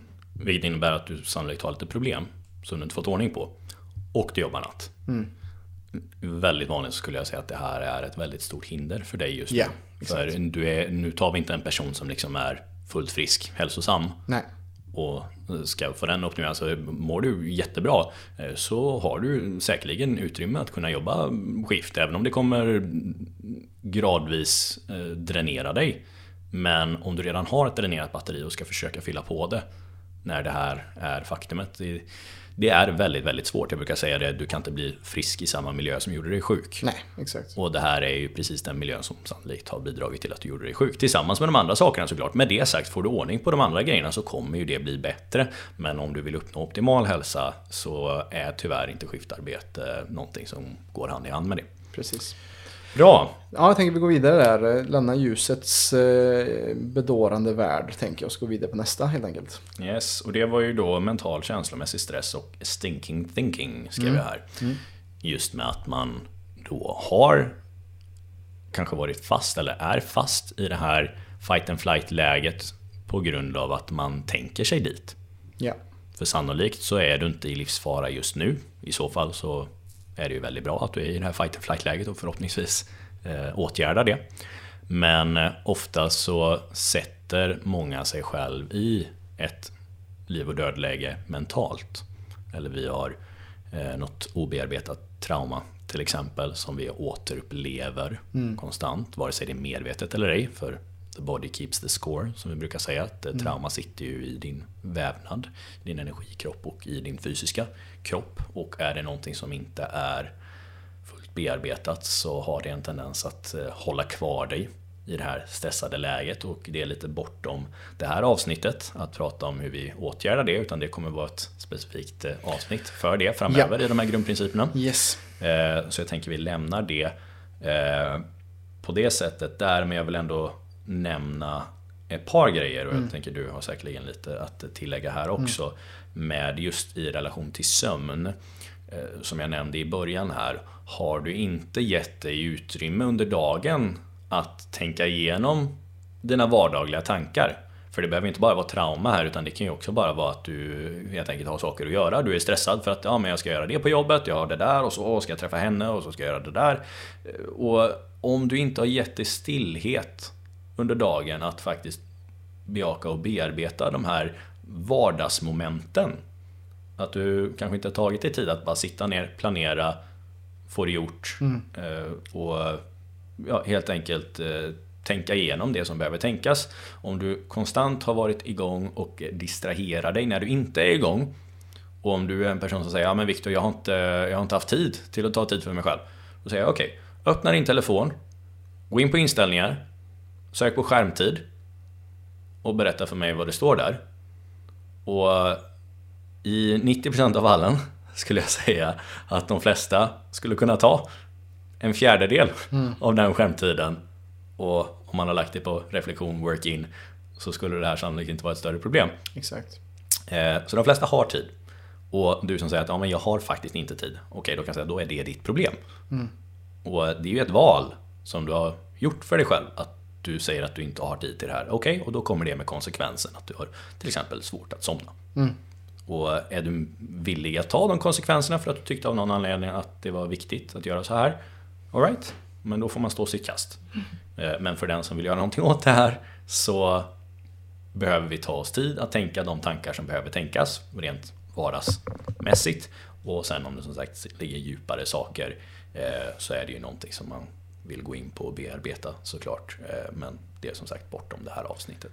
Ja, och jag ser väldigt fram emot att spela in mer, ett mer eh, traumaanpassat avsnitt där vi kan prata, gå djupare in på de sakerna. För det är någonting som jag verkligen har eh, egentligen från början snubblat in på men mer och mer blivit intresserad över hur mycket det faktiskt påverkar vår hälsa. Att mycket av de sakerna som både du och jag utforskar också sista året framförallt just hur mycket det emotionella och det mentala ligger till grund till att skapa kanske till och med fysiska problem i vår kropp. Så det ser jag verkligen fram emot att göra. Men precis så jag vill bara fylla i där att just eh, eh att eh, time management, att hitta tid till att prioritera och planera sin dag. Och eh, ett av mina favorituttryck är att vi underskattar hur mycket vi får gjort på ett år och överskattar hur mycket vi kan få gjort på en dag. Och genom då att skapa ut tid och karva ut tid i vår dag till till exempel då det som vi brukar kalla work-in eller typer av reflektion eller återhämtning, aktiv återhämtning under dagen det är en nyckel för att faktiskt få gjort ännu mer, skulle jag säga. Alltså att, yeah. att man lägger tid på att samla sig själv och på så sätt skapa ett fundament och en grund att utgå ifrån. För att vad som är ofta problemet idag är att folk lägger på sig jättemycket börda när det kommer till arbete eller stress. Och sen så tänker man att gör jag bara de här sakerna snabbare så kommer jag att Eh, hinna med allting på den här dagen. Men problemet blir oftast att stressen som man skapar gör att det jobbet man gör blir slarvigt gjort. Eller man missar saker som man behöver gå tillbaka och göra om och göra rätt. Men kan vi då starta, till exempel som mitt favoritsätt är att starta dagen med meditation. Alltså 10-20 minuter varje dag. Med att just grunda in och skapa introspektion. Eh, då skapar det en grund när vi kan först tömma vår kopp innan vi går ut i världen. Innan vi väljer att stimulera oss med eh, Instagramflöde eller mail eller vad det nu kan vara. Så det här är en viktig del som vi båda ser att eh, är en, oftast en faktor som saknas i de människorna som vi coachar helt enkelt. Mm. Men jag, jag, tänker inte vi behöver gå så djupare in på det utan jag tänker vi... Jag vill, jag vill bara nämna en grej utifrån ja, det som kom yes, uh, till mitt sinne och det är uttrycket uh, slow is smooth, smooth, smooth is fast. Mm. Jag tror det är Navy Seals uttryck som säger slow mm. is smooth, smooth is fast. Mm. det är när de är ja, i en krissituation eller krigssituation rent ut sagt och ska mm. eh, prickskytta eller vad det nu mm. är. Liksom, att är du superstressad så blir slarvigt gjort och du behöver flera försök liksom, för att få gjort vad det är du ska göra. Mm. Medan om du gör det lugnt, försiktigt, andas, boom, tar det första försöket, alright, gå vidare till nästa. Mm. Och nästa. Mm. Och för det blir smooth och eh, utan att behöva liksom hacka upp sig så blir det ju faktiskt mycket snabbare. Och precis det tänkte jag här med som du säger att ja, men jag ska göra det här snabbt, göra det här mer slarvigt. Eller att man missar någonting eller att man tänker igenom samma sak mm. Eh, tio gånger. Att man tänker, ja men så ska jag göra, eller vänta, nej jag får göra så. Alltså, om du bara hade suttit och faktiskt reflekterat, tagit dig tid, stillat dig själv och så gå igenom, yes, det ska jag göra, jag gör det så. Sen ska jag göra det, jag gör det så. Jag gör det här och så gör jag det så. Yeah. Och sen så betar av det, tjoff, tjoff, tjoff. Konsekvent lugnt fint tempo. Ja. Så ska du säga att det här fick du gjort väldigt mycket mer på mycket kortare tid vad du trodde. På grund av att man kom från det här lugnet. Att hitta flöde. Mm. Och, och, det blir eh, intressant idag så stressade jag lite med att jag skulle gå och tända bastun här. För vi ska basta efter gjort det här avsnittet. Och då brände jag mig på fyra ställen på min hand. Eh, och det är ju ett, ett tecken på att jag inte var medveten eller närvarande i vad jag gjorde. Och det skapar då problem. Mm. Inte ja, lite, lite, lite brännsår men det kunde varit ännu värre. Och, och, hur många gånger gör vi inte det i våra liv? Där vi liksom bara inte är närvarande i det vi gör. Och hade vi bara lagt fem minuter på att grunda oss eh, och bara strukturerat ner, okej, okay, steg ett, steg två, steg tre. Så vi inte gör steg ett, steg sju, steg tre och går fram och tillbaka och som en, som en yr höna. Mm. Så jätteviktigt. Ja, yeah. alright. Nästa då, som är väldigt nära mig, eller rättare sagt det är en del av mig, jag har varit en del av mig länge och uh, någonting som jag har fått gå in på väldigt, väldigt mycket. Och faktiskt en av anledningarna till att jag även startade ett eh, kosttillskottsföretag själv. Eh, då jag har jobbat så otroligt mycket med det här med många andra och med mig själv och på så vis fått väldigt mycket förståelse för det. Eh, och i det här fallet då i relation till sömn. Och det är ju då mage-tarmproblem. Yeah. Och det jag nämnde förut är att det här kan skapa ett stresspåslag utifrån de här mikroorganismerna då som är mindre gynnsamma för oss, eh, som i rätt mängd eh, hade varit symbiotiska. Men på grund av att det har blivit en överväxt då, vare sig det är för lite av det goda bakterier eller för mycket av det här, eh, har blivit en dysbios eh, och blivit parasitinfektion då kallar man det för. För vi har alla parasiter, alla som lyssnar här har parasiter i sig. Jag vill inte skrämma upp dig men du har parasiter i dig. Du har svamp organismer inom dig. Maskar. Eh, och maskar också för den delen. Mm. Eh, men på grund av då att många har en dysbios, framförallt om man har problem, så innebär det att de här organismerna har blivit för många och att det då blir till och med en parasitinfektion eller en svampinfektion. Och det då är en väldigt, väldigt vanlig anledning till att många har större problem och har svårt att återställa balans på grund av den här överväxten och då behöver man ju åtgärda det. Och för er som kollade på och kanske till och med har gjort eh, eller gör klänsen som vi pratade om i föregående avsnitt och vårt eh, stora evenemang som vi hade kring detta eh, så ser ni direkt resultat i nuläget om ni gör det eller har gjort det. Vad som sker när vi återställer den här balansen och hur mycket bättre man mår. För då ger vi kroppen förutsättningar till att faktiskt Eh, kunna balansera sig själv. Eh, och när det handlar om miljön i magen och tarm så är det just det första ordet som jag sa, där, miljön. Det ekosystemet som vi behöver balansera och tills dess att vi gör det eh, så kommer vi inte få ordning på parasiter och svampar till exempel. Eh, och vad vi vill göra är ju allt som gynnar en god miljö och det är också bortom det här avsnittet att prata om egentligen. Det kommer mm. bli mer det specifika mage-tarmavsnittet. Jag pratade lite om det i de föregående avsnitten här kring klänsen. Jag tänker också att matavsnittet kanske blir fyra avsnitt där vi går olika in på vad kanske vi ska äta eller vad vi rekommenderar. Liksom hur kan man läka tarm? Vad, alltså, så att det kommer vara, gå djup, djupt med, med den kunskapen tror jag. Absolut, eh, men det är i alla fall en väldigt viktig del för som sagt den här överväxten och den här obalansen i tarmfloran kommer påverka din sömn negativt. Mm. Sen hur mycket det gör det, eh, det beror på från person till person. Men jag kan säga att kvaliteten kommer definitivt vara väldigt påverkad. En av anledningarna till det då, eh, utöver det som jag pratar om med kortisolpåslaget som blir på grund av immunförsvaret och inflammationen som sker i det. Det är att majoriteten av serotonin, det här välmåendehormonet, eh, det skapas ju i magen. Så har vi en obalans där så brukar det kunna bli en obalans även i produktionen då av, av de här kemikalierna. Och eh, serotonin är ju en av de väldigt viktiga eh, näringsämnen. Det, är ju från en, eh, det skapas av diverse olika saker, bland annat en aminosyra som heter tryptofan. Och eh, just aminosyror då och eh, vissa näringsämnen är ju extremt viktigt och det är nästa punkt här för oss eh, som också då kommer från mage-tarmproblem förutsatt att vi äter någorlunda bra. Har vi de här mage-tarmproblemen så innebär det att vi inte kan bryta ner näring ordentligt. Och sömnen kräver ju då vissa näringsämnen för att bli optimalt utifrån de här aminosyrorna som krävs och även då vissa mineraler och vitaminer och så som, eh, som vi behöver för att må bra här. Och eh, då är det ju framförallt aminosyrorna GABA, tryptofan som jag nämnde där som är väldigt viktigt för serotonin och så något som heter L-teanin. Eh, och det jag brukar rekommendera här och det är vissa tillskott. Eh, nu är jag lite partisk här för att jag har mitt eget märke eh, där jag har satt ihop mina favoriter. Men det finns såklart många andra märken också som har diverse olika sömnblandningar. Eh, vad jag skulle vilja nämna här dock är att det är väldigt viktigt att, eller vad jag föredrar själv i alla fall och vad jag föreslår till i stort sett alla mina klienter och det är även det som jag har i min egna blandning här är att man försöker hålla det mestadels naturligt och örtbaserat. Eh, jag är inte särskilt förtjust i att använda till exempel melatonin som jag vet att många som lyssnar här säkerligen har provat. Vissa kanske tar det i nuläget.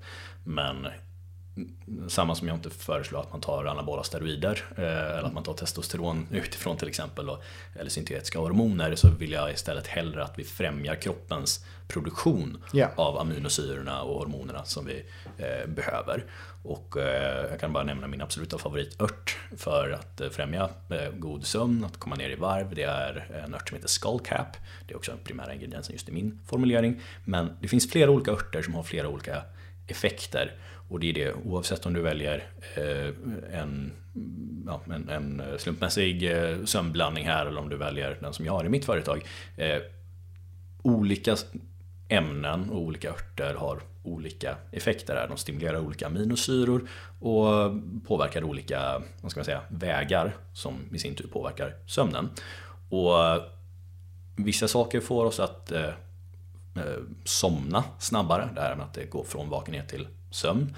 Andra håller oss mer rofyllda under nattens gång. Så om man har en tendens att vakna till exempel flera gånger, då kan man använda vissa saker för att stötta det då. Eh, om man har mer, åt, eh, mer ångestlagd kanske, eller det här med tankarna.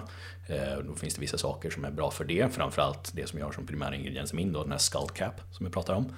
Eh, Vad är det på svenska då? Det är något som jag borde ha i åtanke här, men jag glömmer alltid bort det. Mm. Jag har studerat allt det här på engelska och det namnet på svenska lät lite så här halvskumt. Mm. Eh, så ja, vi kan länka det i beskrivningen här. Men det är en ört? Det är en ört, mm. precis.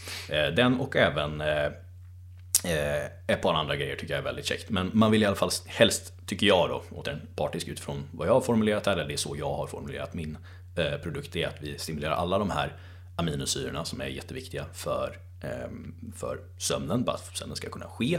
Eh, och även då åtgärda det här med ehm, tankebiten, orobiten, somna snabbare och hålla sig sovande över en längre tid och att eh, stimulera eller lugna nervsystemet för att gå tillbaka till vad det centrala problemet är hos de flesta då, det är att vi är, eller hos alla som har sömnproblem, det är att eh, nervsystemet då är överstimulerat. Så om allt som kan liksom få nervsystemet att gå mer åt det här Hakuna Matata hållet istället för skrik och panik som jag brukar kalla det för. Mm. Fight and flight respektive rest and digest. Det kommer vara fördelaktigt.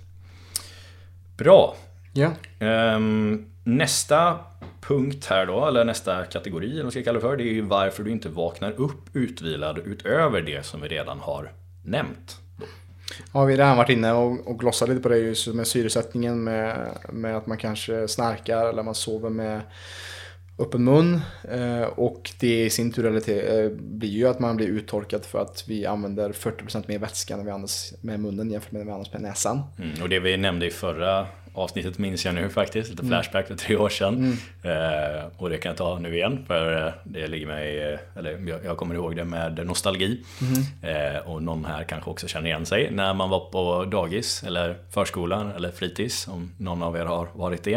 Eh, de glasen man hade där, eh, det var ju alltid något, någon siffra i botten på det glaset. Kommer du ihåg det Robin? Nej. Nej. Eller ja, ja, det är väl alla glas eller? Eller, ja, jag vet inte. De glasen som vi hade där i skolan i alla fall. Okay. Eh, och jag kommer ihåg att det var en grej för mig då att alltid kolla i glaset vilken siffra man fick. Aha, okej. Okay. Ja, det har jag ingen aning. Nej. Nej, kanske bara jag. Mm. Eh, någon kanske känner igen sig. I alla fall, eh, när jag kollar ner det där glaset och bara sticker ner näsan. Ja, det blir ju lite imma. Mm. När man gjorde det i glaset. Men eh, om jag stärkte ner hela truten. Mm. Då blev det väldigt mycket imma och då kunde jag knappt se mm. den här siffran. Varför mm. var det så? Jo, för att om jag då andas ut med munnen så blir det väldigt mycket mer imma och det är just vattenkondens då. Mm. Så precis som Robin sa, vi gör av med mycket mer vatten när vi andas med munnen. Ja. Och det påverkar ju då både uttorkning uppenbarligen, som var en av punkterna här. Och så påverkar det då syresättning. Mm. Eh, och det är också bortom det här avsnittet, för det mm. kommer vi prata om specifikt i andningen. Ja. Eh, men vad som inte är bortom det här avsnittet, det är lite specifika åtgärder för att eh, fixa det här just mm. i relation till sömnen när du faktiskt sover. Eh, den första som vi redan har nämnt eh, och den mest uppenbara det är ju att vi helt enkelt tvingar kroppen att andas med näsan genom att vi tejpar för det andra hålet. Eh, så tejpa för munnen med en sovtejp och andas med näsan på så vis. Sen kan det också vara väldigt bra med ett sånt där andningsstripp. Alltså att man, eh, man sätter som en tejpbit, eh, inte, eller inte på näsryggen liksom. Ja, på näsryggen mm, precis. Som vidgar näsborrarna. Och ni som lyssnar här kan faktiskt prova det. Att om ni bara tar era fingrar på eh, kindbenen precis vid sidan av näsan så drar du ut lite mot kindbenen. Och så bara drar ni upp där. Och så andas ni. Det är en väldigt stor skillnad i hur enkelt det är att andas då. Vi suger in mer syre och det bara ja. kommer in på ett sätt, alltså det är inte, vi behöver inte ens suga in det utan vi behöver bara tillåta in det för det är en stor öppning. Mm. Och många idag, och det kommer också ha med nästa sak att göra här, eh, har en käke som inte blivit utvecklad ordentligt. Och det är också anledningen till att många då snarkar. Eh, för att vi helt enkelt inte har tuggat kanske tillräckligt mycket eller att man har andats med munnen när man varit eh, yngre så har inte överkäken utvecklats optimalt. Den har blivit för smal. Det här är det västerländska problemet. Majoriteten av folk som har levt eh, i... Eh, Resultatet av ultraprocessad mat i tre, fyra generationer ser vi ju nu varför de flesta behöver tandställning. Liksom. Exakt, och det är ju både då närings aspekten ja. av det, men också att vi inte tuggar hård ja, mat. Utan alltså, käka en Billys panpizza som jag växte upp på i mina tonår ger inte så jättemycket utmaning för Rostmackor med honung. Mm. Mm. Det var hönekaka och leverpastej. Ja. Det var, var... Fil med start. Mm. Startmüsli. ja, vi har inte alltid varit hälsokors kan man ju lugnt säga. Så är det. Men det här då i alla fall. Resulterar ju då i att då åker, på grund av att inte överkäken är utvecklad ordentligt så kommer ju heller inte näsan helt bli utvecklad så den brukar också vara smalare hos många då. Därav är det väldigt bra idé att använda de här andningsstripsen då för att mm. öppna upp mer. Men vad som också händer är att underkäken börjar, brukar åka bak. Ja. Och vad händer då? Jo, tungan har inte riktigt plats. Och den faller då ner i halsen. Mm. Och det här kan ju då leda till sömnapné, en av de vanligaste anledningarna till det. Eh, men även att vi inte har ordentligt utvecklade käkar som eh, kan vara lite mer klurigt att åtgärda då, även om det finns sätt att göra det eh, hos bättre tandläkare, tyvärr inte vanliga folktandvården. De gör inte sådana saker så det är väldigt, väldigt problematiskt och då skulle man förmodligen fått det när man var yngre. Men det finns sätt att åtgärda det, men det behöver vi inte gå in på här nu. Vad som vi ska åtgärda dock, det är att stärka upp tungan. För även om det inte riktigt finns eh, plats för att den ska kunna vila optimalt så kan vi åtminstone göra så att den inte ramlar ner i halsen. Och då finns det vissa övningar då man kan göra för att stärka just tungan och då kan man söka på myofunctional eller tongue exercises. Myofunctional tongue exercises. Eh, vi har även några inspelade där i våran app tror jag. Eh, om inte annat så kommer vi ha det. Är det här samma som mewing eller? Eh, nej, inte riktigt. Nej. Eh, mewing, då, då tränar du upp eh, din, eh, ditt, eh, vart eh, tungpositionen mm. vilar och att du sväljer ordentligt och din hållning. Mm. Eh, framförallt med ja, att du, du, är mer upprätt och inte har det här framåtlutade huvudet. Mm. som i sin tur då har en tendens att påverka käken. Eh, men eh, det här är lite, ja, det finns olika osteopatövningar, det finns andra mer fysioövningar. Men vi stärker helt enkelt tungan på lite mm. olika sätt. Eh, stärker tungmusklerna. Sen så är det ju också då att halsen brukar bli trång på grund av att man äter saker som man är känslig mot. Och då kommer vi tillbaka till det här med dysbiosen. Ja. Så vare sig det är att man äter saker man reagerar på eller om det är något annat som gör att magen inte riktigt funkar av den anledningen. Eh, kika på magavsnittet så fort det kommer ut. Ja, något som kan vara väldigt vanligt där är ju till exempel då mejeriprodukter som kan vara väldigt eh, slembildande i just bihålor och sånt just eh, där vi har. Ja, och sen är det ju framförallt saker som du är känslig mot och anledningen till att mejeriprodukter är just det. Det är mm. på grund av att eh, många då är känsliga av det utan att veta det. Många säger ja, men jag är inte laktosintolerant. Nej, men du får massa slem i näsan varje gång du äter mejeriprodukter. Mm. Så det, mm. det kanske var sättet som kroppen berättade för dig, inte att du fick magknip till exempel. Ja. Eh, lika som med gluten då är ju något som i stort sett alla är känsliga mot, det här moderna vetet. Samma sak där, väldigt, väldigt vanligt då att det blir mer slembildande. Men det kan mm. också vara andra saker som du är känslig mot i matväg och så behöver det inte ens vara maten utan det kan vara att du äter bästa, bästa maten men på grund av att du har den här obalansen i tarmen då ja. så blir det fortfarande det här problemet. Så av den anledningen behöver vi åtgärda dysbios men återigen det är bortom det här avsnittet. Så tungan, eh, stärk den.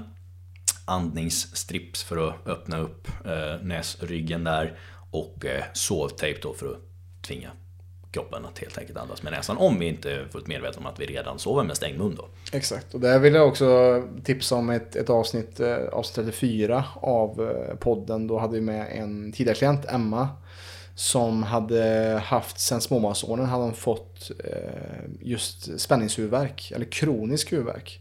Och hon använde sovtejp en natt och vaknade och, och, och grät av lycka för att hon eh, hade inte huvudvärk när hon vaknade. På grund av att hon fått syresättningen och eh, en bättre andning bara med hjälp av sovtejpen. Så där kan det vara en väldigt god hjälp. Absolut. Och ehm, sen är det många som biter ihop och gnisslar tänder och sånt här också. Mm. Eh, och det, det leder ju till andra problem såklart, att man, man spänner sig. Eh, de vanligaste anledningarna till just det brukar ju då vara återigen det här med trauman och mycket stress. Men eh, det kan också vara det som jag precis pratade om här med dysbiosen. För har vi, eh, har vi en parasitinfektion till exempel, eh, då kan det leda till att vi börjar gnissla tänder på grund av det när det har gått eh, hyfsat långt. Det har gått jättelångt men det, eh, ja, parasiter är jätte, jättevanligt att eh, det är anledningen till tandgnisslingar. Om inte annat så är det ofta en eh, bidragande faktor. Så det tillsammans med eh, mentala känslomässiga aspekten. Eh, och sen återigen vet vi ju då att mage och tarm påverkar ju väldigt mycket den mentala känslomässiga aspekten oavsett. Så någonting vi definitivt vill åtgärda, eller kolla på i alla fall. Och jobbar man med en hälsocoach som mig eller Robin eller ja, vi på PC överlag så är det här någonting vi kommer nämna så småningom. Bra. Eh, nästa punkt Eh, vi kan ju nämna eh, ja, uttorkningen, vi drog ju det på samma här. Liksom. Det har mestadels med andningen att göra, men kan också ha att göra med att vi helt enkelt inte druckit tillräckligt med vatten under dagen. Eller att vi haft lite mindre bra timing med eh, vår vätska. Det kan också vara att vi varit väldigt stressade och blivit uttorkade på grund av det, vanligtvis på grund av andningen då återigen. Eh, men vätskebalans är jätte, jätteviktigt och har vi druckit kopiösa mängder kaffe, ja det här är sannolikt också en anledning både till att vi kan vara uttorkade, att vi kan ha lite magproblem eller att vi då helt enkelt är för uppjagade i vårt nervsystem. Så kaffe förtjänar ju nästan en, en eh, punkt för sig själv här. Mm då det är så otroligt vanligt. Och jag ska inte säga att alla behöver sluta med kaffe. Men har du kroniska sömnproblem och dricker mycket kaffe, då kaffe per definition för ditt nervsystem till fight and flight och jagar upp nervsystemet som är anledningen till att vi inte kan få lugn och ro. Då kanske man vill se över just den här konsumtionen. Och det är ju faktiskt så att koffein har ett väldigt långt eh, eh, eller väldigt lång halveringstid som man kallar det för. Eh, Eh, jag tror det, är, eller, det varierar från person till person beroende på eh, genetik. Eh, men man brukar säga mellan 4 till 6 timmar för de mm. flesta. De flesta lite mer åt 6 timmars hållet här. Så halveringstiden på koffein är 6 timmar säger vi då för enkelhetens skull. Detta innebär då om du dricker 4 koppar kaffe klockan 8 så innebär det att 6 timmar senare då när klockan är 2 på eftermiddagen då har du motsvarigheten till två koppar kaffe kvar i blodet. Och det innebär inte att två koppar, de här två kopparna är helt borta efter sex timmar ytterligare då klockan åtta, utan då är det hälften av dem som är borta. Så har du druckit fyra koppar kaffe klockan åtta, då har du två koppar motsvarighet kvar klockan tolv och så har du sen eh, sex timmar senare då igen, eh, då har du en kopp motsvarighet kvar. Sen är det många som fyller på det här och kanske dricker ytterligare mycket eller att man späder ut så att man har druckit fyra koppar successivt under dagen. Eh, och det är ju som sagt från den mängden du har när du druckit sista koppen. Ja, hälften av det kommer vara kvar efter sex timmar etc. Och det här brukar då i praktiken innebära att många då, framförallt om man dricker lite mer kaffe, så har man motsvarigheten till ja, kanske en till två koppar kaffe i blodet mitt i natten. Typ som min farsa har jämt, för han lever verkligen på kaffe. Mm. eh, och det kan ju vara så att han är en lite snabbare metabolisering av, av kaffe då, vilket gör att hans halveringstid är lite kortare, men sannolikt då så har han konstant koffein ja, i sitt blod. Eh, i sitt blod. Eh, och det här då blockerar faktiskt något som kallas för adenosin receptorer. Eller vi har då receptorer i hjärnan som ska känna av adenosin som är det som får oss att känna oss trötta. Mm. Eh, och koffein ersätter det i de receptorerna. Och på grund av blockerar. Det blockerar mm. helt enkelt. Eh, och oavsett ens relation med kaffe här, vare sig man dricker mycket eller bara lite, så är det en väldigt bra idé att låta de här receptorerna vila helt och hållet någon gång i månaden. Mm. Vilket innebär, alltså du, även om en person då dricker mycket kaffe, du kanske inte har några sömnproblem alls eh, och du är jätteförtjust i kaffe och du mår jättebra av det. Görbra, fortsätt. Men oavsett tycker jag att du ska ha upp mot en vecka nästan varje månad. I en perfekt värld skulle du ha en, en vecka varje månad skulle jag säga, men säg var sjätte vecka i alla fall. Så har du en vecka där du inte får i dig något koffein överhuvudtaget, bara för att låta de här adenosinreceptorerna få vila lite grann och återställa sig. Ehm, för den som dricker kaffe, håller till förmiddagen. Och är det så att du vet att Nej, men jag mår jättebra av att dricka även lite på eftermiddagen, men okej, gör det. Men har du sömnproblem, se över detta. Precis. Och sen är det ju återigen här, det här behöver inte vara det enda som påverkar. Men som Robin sagt här och jag har sagt, många bäckar små. Mm. Så det här är, du kan säga, ja men jag har provat att ta bort kaffe, det gjorde ingenting alls, jag sov fortfarande dåligt. Okej, okay, men det var någonting som påverkade. Så det tillsammans kanske med dysbiosen i tarmen här och syresättningen, då kanske du sover bra. Och på tal om lågt hängande frukt så är det ganska lätt när vi kan eliminera någonting och bara se hur funkar detta och vara lite sin egna vetenskapsman för sin sömn också här. Jajamän. Eh, och det kan jag också nämna här, och jag är en stor fan av örtteer. Eh, och det är många som dricker örtteer för att liksom komma ner i varv och eh, jag som sagt i min sammansättning för ett lugnande kosttillskott har många örter i det.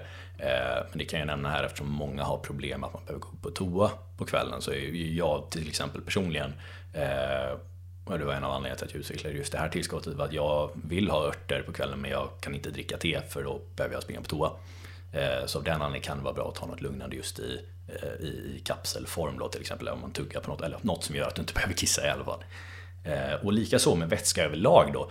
Många behöver ju som sagt springa upp på toa. Mycket av det brukar faktiskt ha att göra med stress och och syresättningar, som andningen, mm. som mentala känslomässiga aspekten och hur man andas. Så åtgärdar man det så brukar det bli mycket bättre.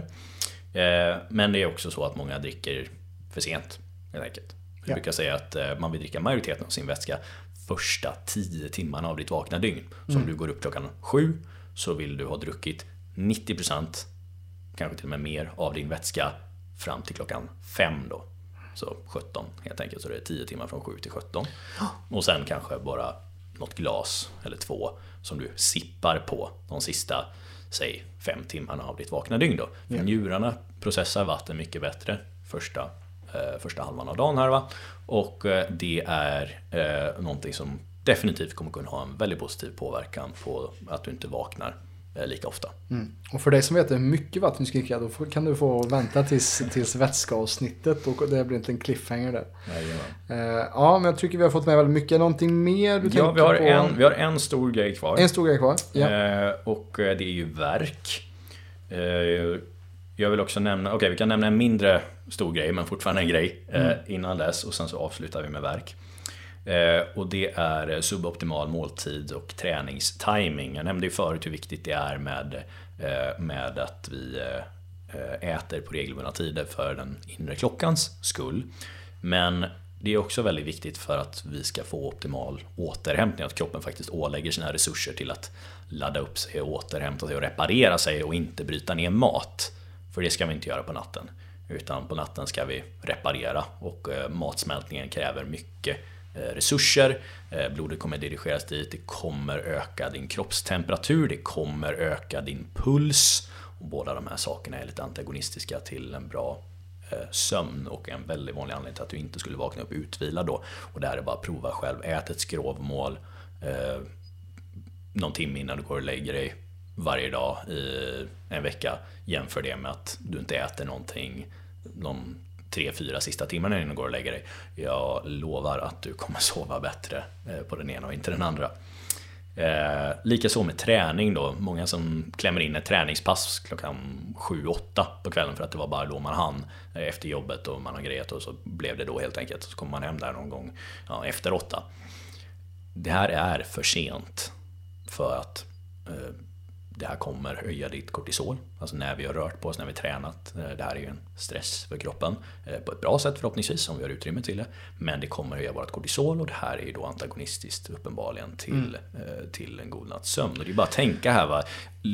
tänk biologiskt eller evolutionärt. Varför skulle du verkligen ansträngt dig görhårt och sprungit eller lyft något jättetungt klockan åtta på kvällen förr i tiden? Mm. När det egentligen skulle vara någon timme kvar tills du egentligen borde sova. Ja. Någonting skulle ju vara på tok. Va? Eh, så träning jättebra, rörelse jättebra, men tidigare på dygnet. Åtminstone då som sagt om du har mycket sömnproblem.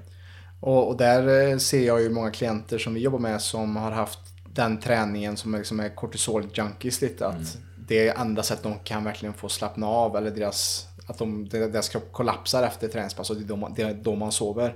Och det är också väldigt viktigt att kolla på det. Varför tränar du sent på kvällen? Eller om, det, om du får det för att du blir helt, helt utslagen då. Och det hjälper dig att sova. Det hjälper dig korta, kortsiktigt men i det långa loppet så kan det göra att du får en, ja, en binjureutmattning till exempel. Då. Mm.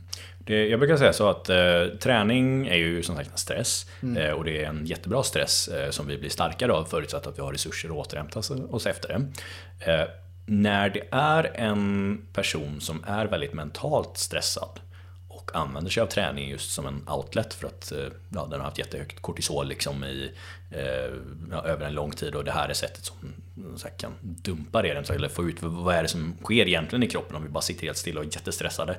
Egentligen när vi har det fight and flight så ska det ju vara någon typ av fight eller flight. Va? Mm, mm. Eh, kan också vara freeze men det är en annan aspekt som vi pratar om i traumaavsnittet. Men det här är ett jättebra sätt att få ut det här kortisolet ur kroppen. Fortfarande inte klockan åtta på kvällen.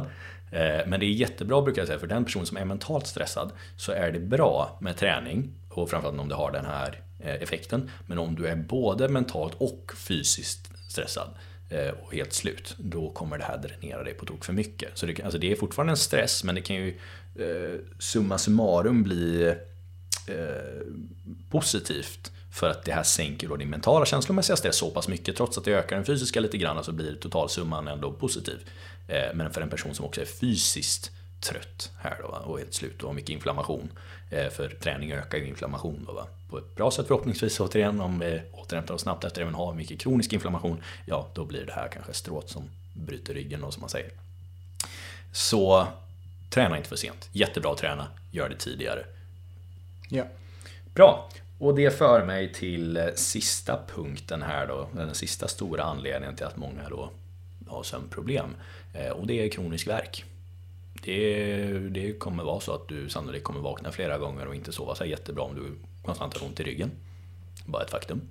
Eh, och det är jättejobbigt. Det är också något som väldigt många går med utifrån mitt perspektiv i onödan. Då jag är eh, väldigt erfaren med att rehabba eller hjälpa folk med kronisk värk. Och det brukar faktiskt gå relativt snabbt i mina behandlingar. Det finns många olika metoder för att, eh, för att jobba med detta och en intelligent approach kommer sannolikt ha ganska potent effekt relativt snabbt. Så är du en person som har gått med det här länge, försökt, om du har fått hjälp från lite olika håll och kanter men ändå inte fått ordning på det, då är man sannolikt fel ute och det kan också ha att göra med andra saker som de vi har pratat om, till exempel med mag och tarmhälsan. Eh, det kan ha att göra med andningen, det kan ha att göra med uttorkningen som vi pratar om. Eh, men just det biomekaniska, det är ofta väldigt mycket man kan göra där. Och trots att du har varit hos 5-10 olika personer Tyvärr så är det inte alltid eh, ett holistiskt synsätt som de har. Framförallt inte om man gått mer den konventionella vägen. Det finns jätteduktiga fysioterapeuter. Men det är också många som tyvärr inte har en väldigt eh, holistisk bild. Och det här kan ju vara väldigt eh, modfällande ja. för någon. Om, om du har varit hos tio personer och ingen får ordning på det, då är det uppenbarligen dig det är fel på. Men jag kan säga i min erfarenhet med så många som jag hjälper relativt snabbt och de, framförallt de mentorerna som jag har, och det är därför som jag har det här väldigt optimistiska synsättet. Eh, och det kanske låter, jag vet inte hur det kommer fram här, men förhoppningsvis landar det rätt hos dig. Eh, för de mentorerna som jag har lärt mig av, vilka är några av de absolut bästa terapeuterna i hela landet. Resultatet de får och vad vi specialiserar oss på, jag också, mina mentorer men också jag, eh, det är att hjälpa folk som inte fått hjälp någon annanstans. Och det är ofta just för att man har missat vissa centrala aspekter, ofta väldigt grundläggande aspekter men som skrämmande nog inte är med i många mer konventionella eh, approacher. Så det finns ofta väldigt mycket du kan göra och jag har eh, lämnat ut väldigt mycket resurser i, eh, för, ni, för er som är medlemmar. Så kan ni hitta det i vår app och ni kan också skriva såklart eh, om ni är medlemmar så kommer jag kunna guida er mer där och även ge många rekommendationer på terapeuter som jag vet är duktiga runt omkring där du bor. Men också att jag kan hjälpa dig väldigt mycket online faktiskt. Det här är också lite bortom det här avsnittet och det kommer vara ett specifikt avsnitt mm. Eh, framöver i de här grundprinciperna just med rörelse och kroppen. Där kommer vi säkerligen också få behöva dela upp det i några stycken. Eh, så stay tuned för mm. den. Eh, men där har vi egentligen allt som jag ville nämna här kring de vanligaste anledningarna till att man har problem och hur vi kan åtgärda det. Och som ni hör så kan man behöva gå in specifikt på vissa delar. Eh, men jag tänker vi avslutar här med en liten summering. Ja, den tänker jag att jag ska ta. Jag har skrivit där hela, hela ner allting. Så, om du kan, så kan du fylla i det. Ja men precis, vi kan så. göra så. För jag, jag har skrivit med min summering här så kan vi se hur lik den blev. Precis, ja. Vi börjar då den här utforskningen med just ljus och cirkadisk rytm. Att det är viktigt att vi eh, kommer ut och får solljus och också att vi eliminerar också då det artificiella ljuset med hjälp av till exempel blåljusblockerande glasögon eller lite mer rundare ljus på kvällen, förslagsvis saltlampor. Vi snackar om mental och känslomässig stress och där är det viktigt till exempel då att reflektera, skapa tid för work-in, typ meditation, lugnare form av yoga kanske kan vara bra. Bastu till exempel och kallbad är också väldigt bra. Vi har snackat om, vi har inte snackat så mycket om sömnhygien faktiskt. Jag kan bara säga det lite ja, snabbt. Det är just att, att um, vad, kan vara, vad som kan vara bra för dig är att stänga av wifi och mobiler och inte ha det i ditt sovrum. Eh, att ha det svalt i ditt sovrum kan också vara bra, mellan typ 16 till 18 grader kanske förslagsvis ha helt mörklagt. Eh, kanske till och med då köpa en eh, ögonbindel för att just eliminera ljus. Att det inte kommer in då, på tal om ljus, då, att det kommer in sent på natten då. Så att det rubbar där. Yeah.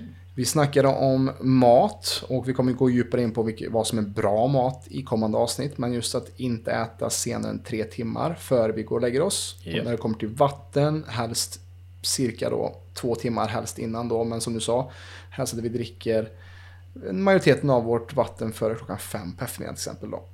Vi snackar om eventuella kosttillskott och sånt kring vad som kan hjälpa. Det kanske Viktor kan fylla i vad som kan vara just eh, most bang for your buck. Vi snackar om just syresättning, uttorkning och vikten av då, eh, som vår kära branschkollega Anders Olsson, hans bok Medvetandning är en otroligt bra resurs här att läsa och ett av hans mest effektiva sätt att få en bättre sömn är att använda sovtape så att vi eliminerar just snarkning och andning via munnen när vi sover. Eh, dra ner på kaffe är en ganska, ja, det behöver knappt vi ens behöver säga tror jag. Eh, träning, att inte träna för hårt och för sent. För det också rubbar våra kortisolnivåer. Eh, ja, det var väl det som jag har skrivit ner här. Eh, vad tänker du vi fylla på med här innan vi rundar av, Viktor? Jag tycker det var en väldigt bra summering och du fick till med med det som jag skrev ner i summeringen men som jag inte nämnde under, eh, under avsnittet där. Men jag kan gå igenom mina snabbt där också så märker vi hur mycket det Mm. overlappar. Yep. Jag skrev eh, regelbundenhet, det, det glömde du nämna tror jag. Mm. Eh, Men regelbundenhet, gå och lägg dig samma tid och gå upp samma tid. Ja. Eh, väldigt, väldigt viktigt. Och det här kommer också revolutionera kan jag säga, din sömn om du börjar göra det. Framförallt om du är en person som inte har gjort det på ett tag. Eh, prova skillnaden och som Robin sa förut här, prova de här en efter en. Så kan du också utsluta vad det var som gjorde vad. I en perfekt värld gör vi såklart allt. Eh, Men bara en av de här, om du revolutionerar ljuset till exempel här då. Om du får med i dagsljus dagtid och eh, faktiskt har det mörkt kvällstid.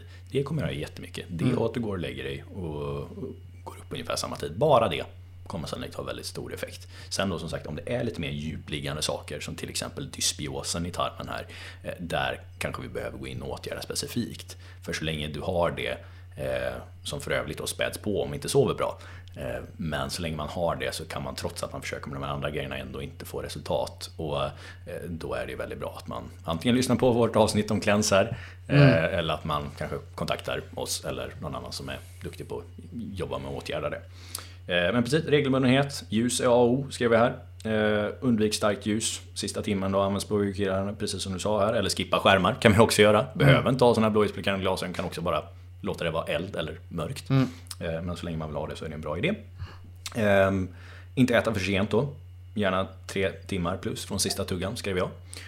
Du kan också äta en lite mindre kvällsmat, så att det bara är något litet lätt. Och det vill vi för övrigt också gärna göra. Den här dunderstora middagen är inte alltid bäst. Det är bättre att äta mer första halvan av dagen. Exakt. Eh, Så det kan man också ta med sig. Men, eh, och samma med vätskan där då. Drick inte för sent. Drick 90% av din vätska de första 10 timmarna på dygnet och bara sippa på vatten eller te eh, de sista timmarna då. Även om jag personligen har lite svårt för att dricka te. eh, För det känns som att om jag bara tar en liten sipp så kommer jag behöva springa på toa. Vätskedrivande, ja. ja. Precis. Eh, vare sig det är det. Det finns även örter som inte är det.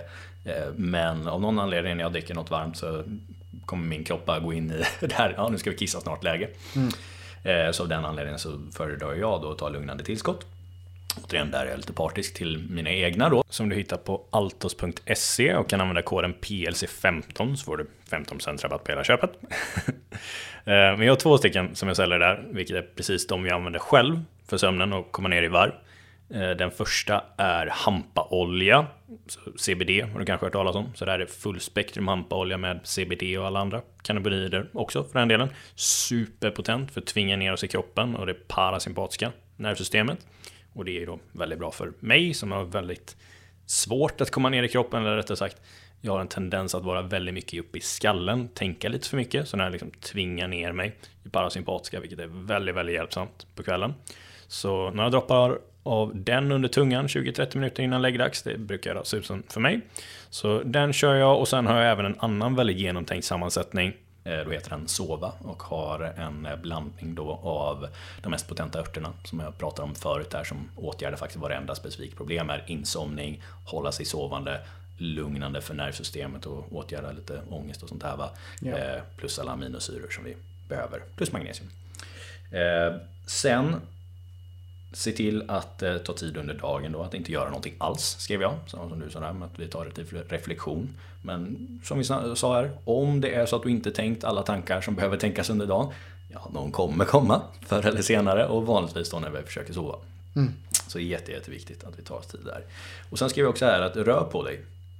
För har vi inte rört på oss ordentligt, det kan vi nog också känna igen oss i allihopa här, att om du har varit väldigt aktiv en dag och arbetat hårt, då brukar det inte vara så svårt. Om man har varit ute och satt potäter, då är det lätt att sova.